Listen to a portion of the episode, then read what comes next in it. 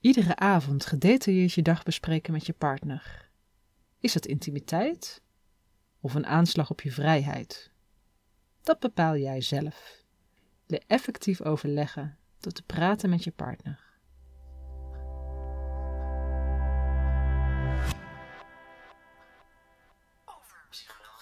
Hallo, ik ben Mirella Brok, relatietherapeut en schrijfster. En je luistert naar mijn artikel Praten met je partner van overpsychologie.nl. Praten met je partner. Hoe doe je dat? 1. Ga bij jezelf na. Wat is voor jou de ideale relatie? Nou, voor Lisa was dat bijvoorbeeld elke avond uitgebreid koken met Robbie. Vanaf het begin van hun relatie hadden zij beste gesprekken gehad tijdens de maaltijd. En op die momenten namen ze de tijd om de dag door te nemen en even echt contact met elkaar te maken. Echt contact is een belangrijk element voor Lisa. Welke momenten in een relatie zijn voor jou belangrijk? 2. Wat is voor jou een teken van een minder goede relatie? Voor Robbie was echt contact belangrijk, maar na twee jaar relatie miste hij ook wel avonden met vrienden. Hij wil ook gewoon spontaan kunnen eten met collega's of na het sporten met vrienden een broodje kroket pakken. Hij zoekt een goede balans tussen investeren in een relatie en tijd voor zichzelf. 3. Plan vervolgens met je partner een moment om rustig over jullie relatie te kunnen praten. Nou, Lisa en Robbie spraken bijvoorbeeld af om op vrijdagavond tijdens het eten te praten over dit probleem. En beiden waren voorbereid op het gesprek. Dus ze waren niet emotioneel en ze hadden de tijd om te praten. 4. Praat in het gesprek om de beurt vanuit ik en over ik. Dus ik voel me eenzaam als ik alleen eet. Of ik mis mijn vrienden. Zo voorkom je dat je je partner aanvalt. Of je partner zich aangevallen voelt.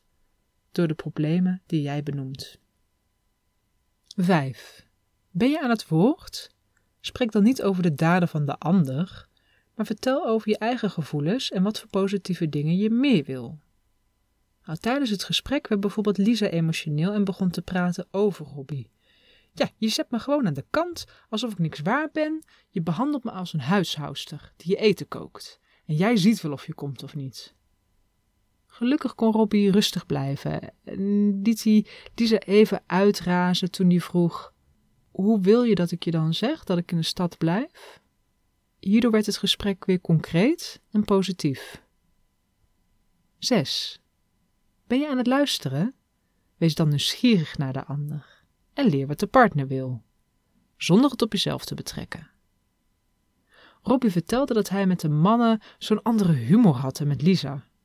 En met hen kan ik gewoon een voetbalwedstrijd houden en de verliezen dertig keer laten opdrukken nadat hij een liter heeft weggezopen.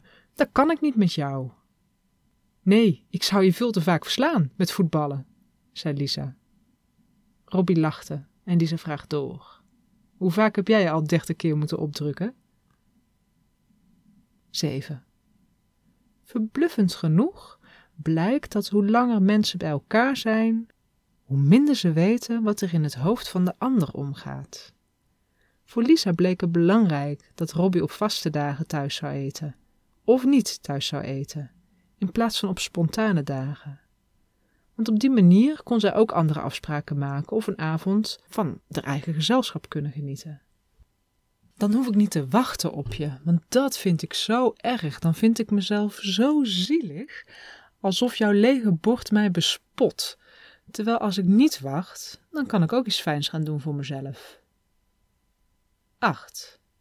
Accepteer dat je je partner nog steeds maar ten dele kent. Vul niet in, maar vraag door waar een mening of een houding vandaan komt. Robbie had geen idee dat het voor Lisa vernederend voelde om als een jaren vijftig huisvrouw met het eten klaar te zitten. En Lisa wist niet dat Robbie zoveel gein had met de vriendengroep. Dan ga ik aan het begin van de relatie toch ook niet toegeven? Ik moest jou veroveren met mijn metro kant, lacht Robbie. 9. Houd het gesprek luchtig. Gebruik humor, waar jullie beiden om kunnen lachen. 10. Trek geen conclusies na het eerste gesprek, maar voer meerdere gesprekken, want goede relaties kosten tijd. Nou, we kunnen dan op dagen dat we niet samen eten, later op diezelfde avond nog wel een wijntje drinken of zo. Dan kunnen we een beetje praten. Ja, dat is goed voor donderdag, maar niet op zondagavond. Dus hoe doen we dat dan? 11. Accepteer dat gesprekken over wat jij en je partner voelen, denken en willen altijd blijven terugkomen in je relatie. 12.